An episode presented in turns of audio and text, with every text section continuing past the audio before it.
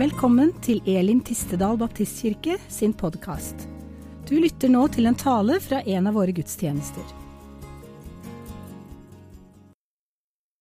Jeg var godt vant til sterke møter og sterke historier og det ene og det andre.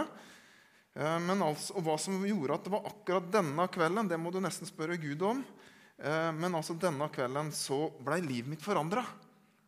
Og det kan jeg virkelig si i dag. altså. At livet mitt blei forandra. Jeg var ganske sånn, ganske sånn fort ut med å si det allerede da. Men det er liksom gått 14 dager, og så det er liksom, noe skjedde for 14 dager siden. Så sier det liksom, ja, nå har livet mitt blitt forandra. Så er det litt sånn ja, Du får vente og se litt. Men nå har det gått 25 år. Det er faktisk et kvart århundre. Og jeg tenker på hvilken innvirkning den kvelden hadde på mitt liv. For for det første så la det betingelsene for at Linda og meg skulle bli bedre kjent med hverandre. Vi visste jo godt hvem vi var, vi kjente jo hverandre, men det var i arbeidet og tjenesten for Gud at vi enda mer knytta kontakten. Så på en måte hele familien min og, og barna mine springer ut ifra dette. Og så var jeg på vei til å bli elektronikkingeniør. da. Så det står faktisk foran dere en elektronikkingeniør og ikke en teolog. Så sånn er det. Så det er det som er utdannelsen min. Og jeg hadde jo ingen tanker den gangen om at jeg skulle bli på en måte en leder eller skulle stå foran forsamlinger og holde taler. Det var, hadde du sagt det den gangen, så hadde jeg ledd deg midt oppi fjeset. For det var, det var, liksom, det var ingenting som tilsa noe sånn. Og så har jeg lyst til å si, det, si det så enkelt, men så kom Jesus. Og her er jeg. Og så har jeg lyst til å si det så enkelt for en reise. For en reise det har vært.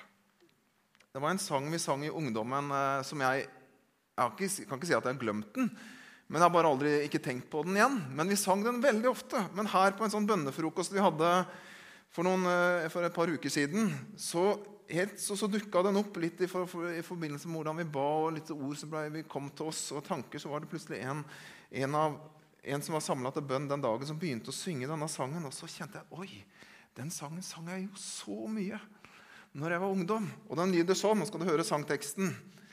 Jeg vil løfte mine vinger som ørn og vente på den rette vind. Og når den kommer, vil, den kaste, vil, jeg kaste meg ut og kaste meg ut og la vinden bære meg. Den sang jeg den gangen. tenkte jeg, kjære tid. Visste jeg det den gangen? Men så tenkte jeg, jeg egentlig, var det egentlig sånn at jeg kasta meg ut på ballen? Jeg, jeg, ser mer som så at det var Gud som kom, og så tok han tak i kragen og bukselinningen. Og så, og så kasta han meg ut. og så var det bare å henge på. Det føles mer sånn, for at jeg var ikke så Ja. Og så har livet mitt, sånn som jeg ser det den gangen, vært leda fram, ført fram av Gud. og Det har ikke vært en, sånn der, det har ikke vært en blomsterreise. Det har, ikke, det har ikke bare vært en festreise. Det har vært mange ting. Jeg har fortalt menigheten her om sykdommen jeg hadde, som prega meg dramatisk i mange år, med ryggen, med svulst i ryggen og legen som sa at jeg kom til å sitte i rullestol. Og så har det vært sorg, sånn som alle vi har kjent på. ikke sant? Og så har jeg kjent på utbrenthet, og det har vært tunge dager. Men midt i alt da, så har jeg bare lyst til å si at jeg er bare takknemlig til Gud, som midt i alt har vært god mot meg. For han har alltid vært der. Og så kan jeg se tilbake og se, at i dag, se i dag at det er han som midt i alt han har ført meg fram. Og jeg kjenner meg igjen i dette bildet av denne vinden som bærer ørnen framover. Eller jeg skal bytte bildet litt bølgen som bærer båten framover. Eller denne bevegelsen som Gud gjør i oss. For det skjønner en ingeniør. For Det står i Bibelen at, eh, at Guds rike det består ikke i ord, men i kraft. Og jeg vet at Som ingeniør da, som med fysikk i pakka så vet jeg at det som kjennetegner kraft, det er jo at det skaper forandring. Det sånn, du, kan aldri bli tilført kraft uten at det skjer en forandring. Og, hvis Guds rike består av kraft, og Gud kommer til meg og mitt liv, og det er ditt liv, så skaper det en bevegelse, det skaper en reaksjon, det blir en forandring. Og denne bevegelsen den har jeg stoppa litt opp, og den har jeg lyst til å, å snakke litt om i dag. Da. Denne, denne bølgen, denne bevegelsen som, som Gud gjør. Og Da har jeg lyst til å ta deg med til denne strofa som du kanskje ser på veggen bak meg, som er avslutningen av Bibelens kjent, mest kjente salme, nemlig Salme 23. Og Der lyder det sånn at bare godhet og miskunn skal følge meg alle mine dager, og jeg skal bo i Herrens hus gjennom alle tider. For en setning! Bare godhet og miskunn skal følge meg. Nå vet jeg at Noen av dere som kjenner til de, de andre oversettelsene, vet at den står på en litt annen måte enn en annen oversettelse. For der står det bare godhet og miskunnhet skal etterjage meg alle mine dager. Det syns jeg er et enda sterkere vers. da. Etterjag følger virkelig som liksom går rolig etter. Etterjag er jeg som bare er febrilsk. som er bare, dette, dette vil jeg at du skal oppleve. Den bare oppsøker deg helt sånn intenst. Sånn er Gud. Og hva er det han kommer med? Bare godhet og miskunn. Det er voldsomt. Det er denne bølgen som Gud etterjager oss med. Og da har Jeg lyst, jeg vet ikke om det fins i ordboka engang. Kanskje, kanskje jeg skal ta kontakt med Språkrådet og høre om jeg kan få dette inn i ordboka. Men jeg ser for meg altså en Guds godhetsbølge som han kommer over oss mennesker med. Det er hva denne her setningen beskriver. Sånn er han. Når Johannes, en av, de, altså Jesu, en av Jesu nærmeste disipler, skal fortelle om hva som skjer når Jesus kommer som et menneske til denne jorda, når Gud blir født som menneske til denne jorda, så bruker han orda 'lys som kommer i mørket'. Der det er mørkt, der det er tungt, der det er vanskelig, der det er ikke håp, Kommer Jesus, så blir det lys. Så blir det håp, så blir det muligheter. For en fantastisk forandring. Det er liksom fra den, ene, altså fra, ja, fra den ene ytterligheten til den andre. Med én person, med ett, med én frelser, nemlig Jesus. Lyset blir til, eller mørket blir til lyset. Lyset skinner i mørket. En annen av disiplene, Peter, han eh, kommer til et hus eh, hvor det bor en mann som er hedning. Det er første familie han kommer til, er første person disiplene oppsøker etter at de har fått oppdrag om å spre evangeliet om Jesus, som ikke er jøder. Fram til da så har de gått til jøder og fortalt dem om Jesus. Eller mennesker som har blitt omvendt til jødedommen og så deretter kommer til en kristne troen. Men nå skjer det noe nytt. Peter blir sendt til et nytt menneske. En som, si, som bare er hedning. Som oss. Han heter Kornelius. Og Så kommer Peter dit og så skal han fortelle om Jesus. Og så Legg merke til ordet han bruker. Dere vet om det som begynte i Galilea, sier han. Etter at Johannes hadde forkynt sin dåp, og som siden spredte seg over hele Judea. Jesus fra Nasaret ble salvet av Gud med hellige ånd og kraft.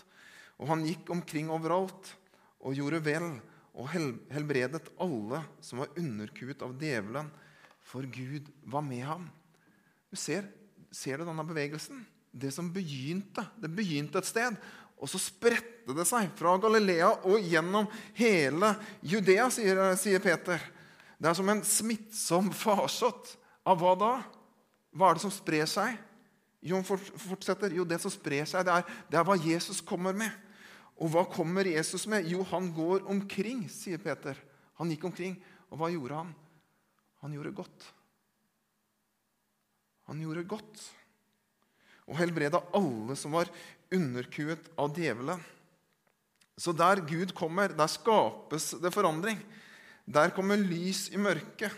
Der kommer godhet og miskunn. Det er denne Guds godhetsbølge som jeg tenker på. Og når jeg ser tilbake på mitt liv, da, og når jeg starta litt der i dag, så ser jeg at det er den bølgen som jeg har fått lov til å leve i. Det er den bølgen som jeg har fått lov til å kjenne at jeg har fått lov til å bevege meg i. Eller som har bevega meg. Det er den vinden jeg har fått lov til å kjenne har ført meg framover. Og det er den vinden, den bølgen, du også kan få lov til å leve og eksistere i. I hans godhetsbølge, i hans kjærlighet. Og så og så blir det jo fort sånn, da. Ja, men dette her med godhet og, det, blir liksom så, det blir så suppet og tynt. og Vi trenger litt alvor og alt dette her. ikke sant? Nå har jeg lyst til å ta deg med til hvor, hvor sterkt og radikal denne godhetsbølgen er. Og Da vil jeg ta deg med til Jesus sine ord i bergprekenen. Bergprekenen er på mange måter en oppsummering av Jesus sine mest sentrale undervisning. Så, så hvis du skal på en måte liksom vite hva han snakka om, så må du gå til bergprekenen. Og der sier han følgende Dere har hørt det er sagt, sier han. Du skal elske din neste og hate din fiende. Men jeg sier dere, elsk deres fiender. Velsign den som forbanner dere. Gjør godt mot dem som hater dere. Og be for dem som mishandler dere og forfølger dere. Slik kan dere være barn av deres far i himmelen. For han lar sin sol gå opp over onde og gode og lar det regne over rettferdige og urettferdige. Jeg veit ikke hvor klar du er over det, men den, dette, dette, sitatet, eller dette ordet som Jesus sier her, at du skal elske din neste og, eh, og, og, og ja, du skal elske din fiende.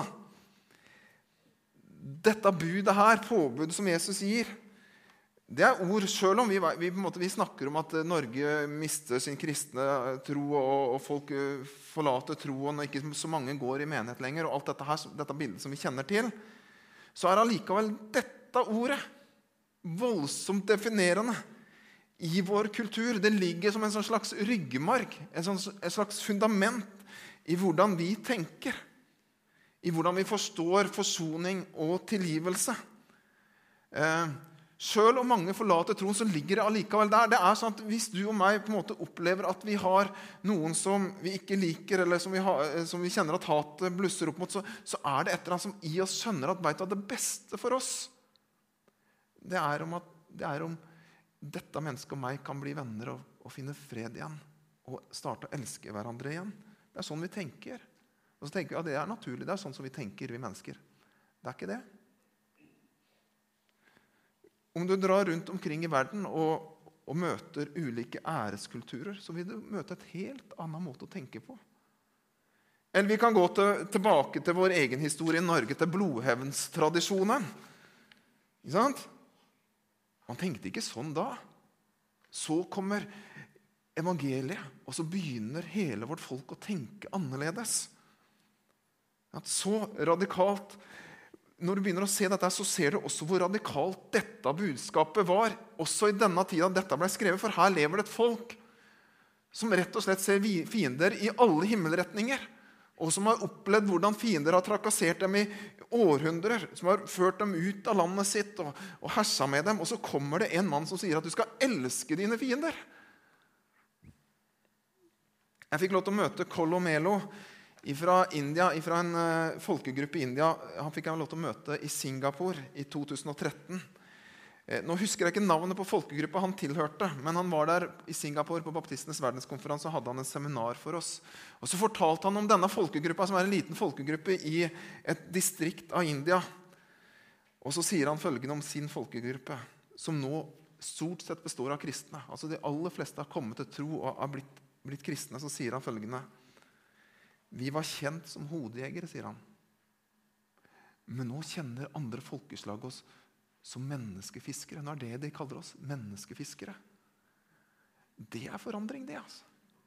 Fra hodejeger til menneskefisker. Hva er det? Jo, det er Guds godhetsbølge. Er det lettvint? Er det liksom noe overflatisk? Nei, det er radikalt. Guds, Guds godhetsbølge som strømmer over distrikter i India, og som gjør at et folk blir, for, forvandla fra hodejegere til menneskefiskere. Jesus sier, 'Slik kan dere være barn av deres far himmelen.' Han lar sin sol gå opp over onde og gode og lar det regne over rettferdige og urettferdige. Det verset der har, det har forandra mitt syn på hvem Gud er. Vi legger gjerne betingelser til hva som skal skje for at Gud skal komme til oss med sin godhet. Ja, da kan det skje. Hvis du gjør sånn, da kan Gud komme til deg med sin godhet. Hvis du tenker, hvis du gjør, så står dette verset her. Nei, Gud han lar det renne, regne over ond og over god. Guds godhet bare flommer over oss hvis vi ser etter. Og Paulus han sier det så sterkt i romerbrevet. Forakter du hans uendelig store godhet, sier han, overbærenhet og tålmodighet?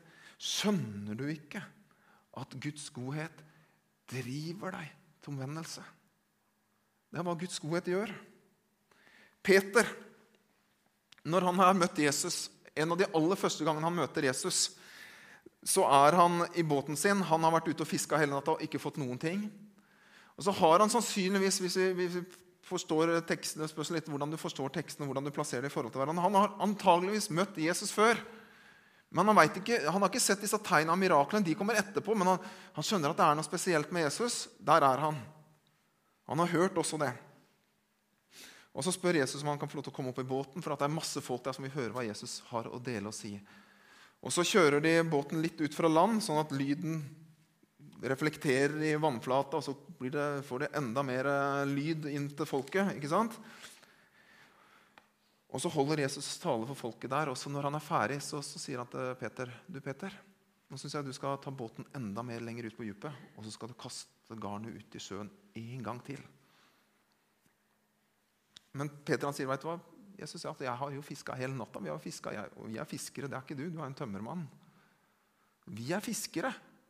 Vi har fiska hele natten, og vi har ikke fått noen ting. Men så begynner han å tenke etter. Jeg vet ikke hva som gjør dette men han skjønner at det er noe spesielt med Jesus, og sier han følgende Men, men på ditt ord så, så, så, skal jeg gjøre det, Jesus. På ditt ord. Og så må du tenke følgende at Peter han er en fisker.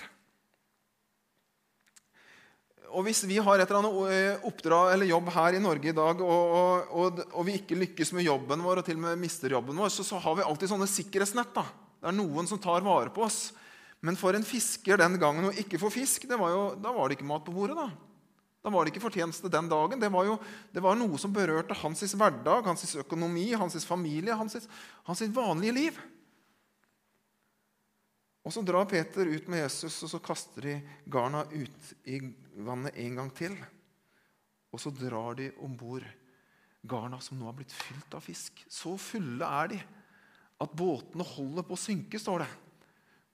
Ser du Det Det er Guds godhet som er så stor over Peter sitt vanlige hverdagsliv. At, at, han klarer knapt å holde på Guds godhet. Altså, den blir så overveldende stor at han, at han, han veit knapt hva han skal gjøre med den. Og når han har fått fiskene om bord i båten, da står det at da faller Peter på knærne, og så sier han, 'Jesus, gå fra meg, for jeg er en syndig mann.'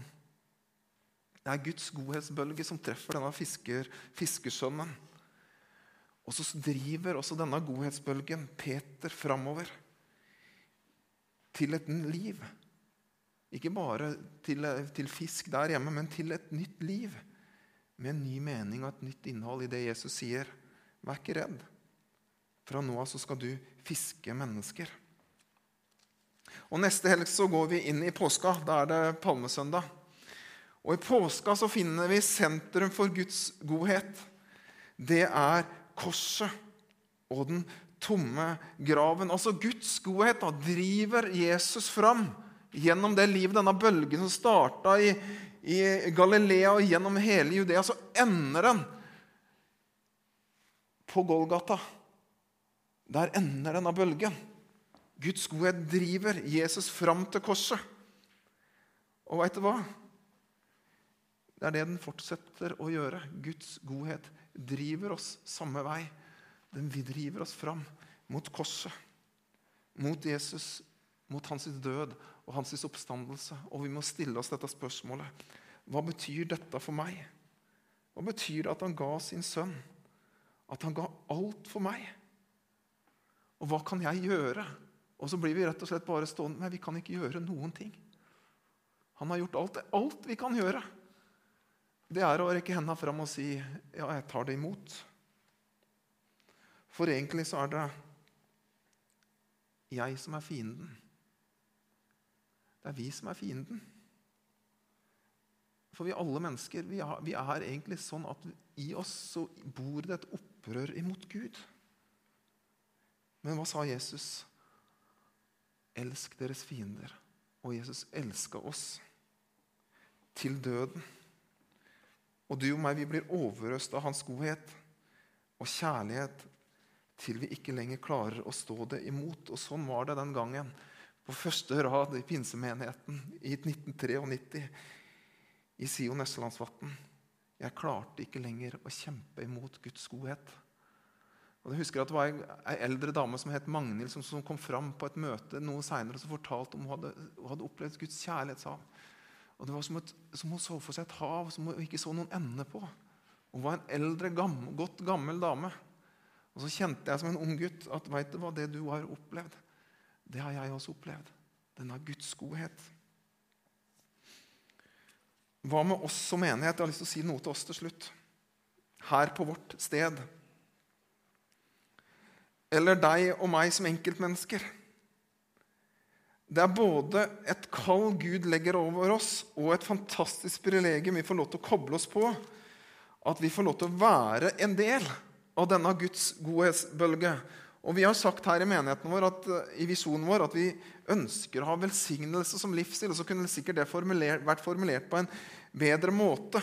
Men det vi ønsker å si med dette, enkle, disse enkle ordene, det er at vi ønsker ikke bare å være en menighet som krever våre rettigheter og protesterer og er liksom brautende og høylytte mot alt og alle. Vi har lyst til å først og fremst velsigne. Vi har først og lyst til å koble oss på denne godhetsbølgen. For skal vi følge Gud i denne verden, så må vi etterjage mennesker med Guds godhet og minnskudd, for det er faktisk hva han gjør.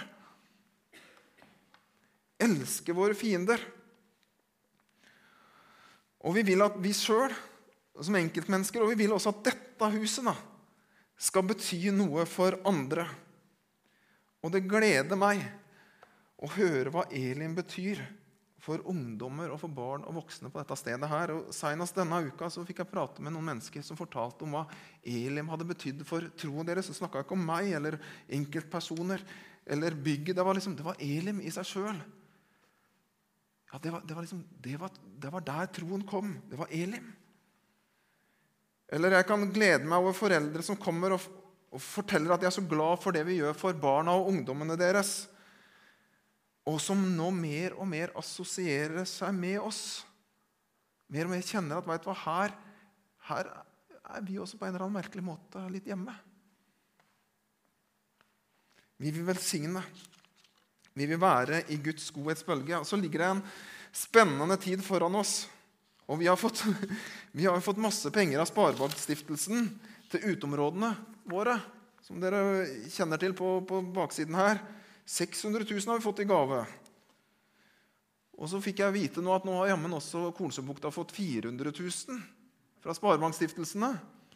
Og så har vi fått noe 50 000 til noe belysning av noe uh, ungdomsrådgreier òg.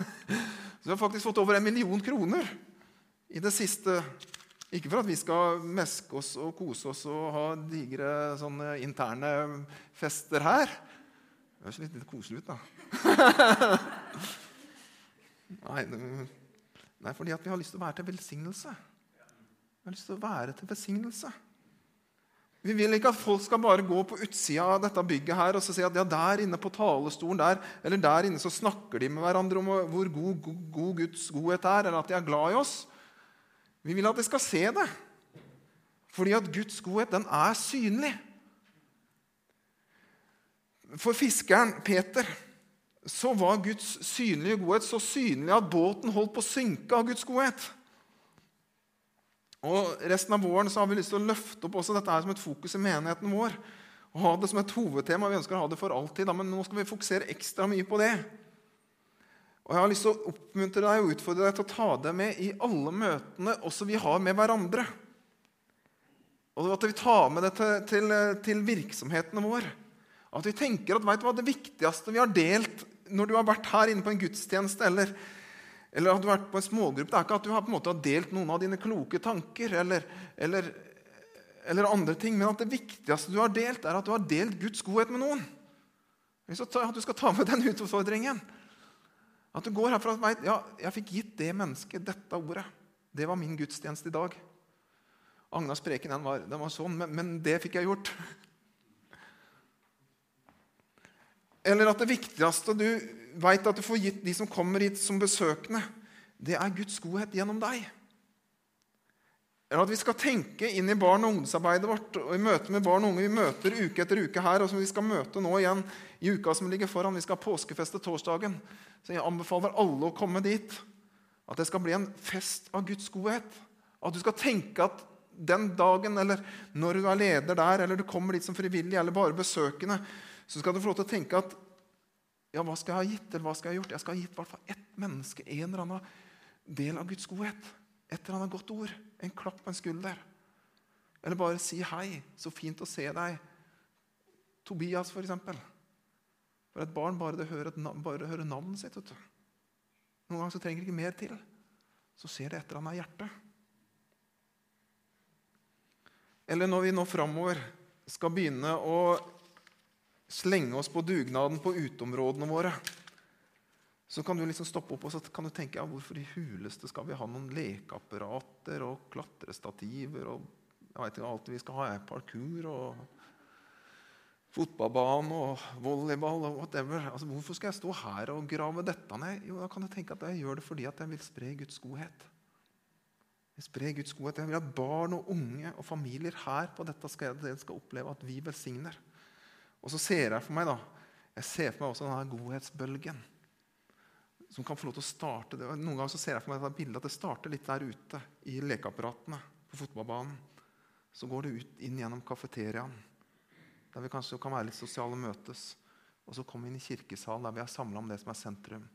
Og så ender denne godhetsbølgen ved korset. For det er dit vi ønsker at mennesker skal komme. Og det er dit jeg og du får lov til å komme igjen og igjen.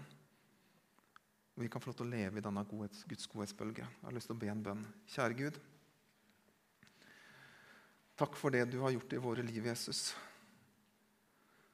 Du er fantastisk.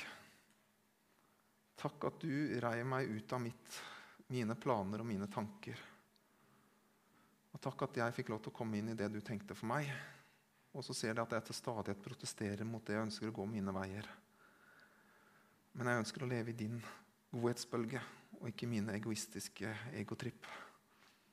Og hjelp oss her inne til å kaste oss ut i det, Herre. Hjelp oss som menighet til å la det drive oss. Kjærligheten til deg og nød for våre medmennesker. Legger vi resten av denne våren og det som ligger fram for oss her i menigheten, i dine hender. Ber om at du skal lede oss fram som bare du kan gjøre, Herre. I Jesu Kristi navn. Amen.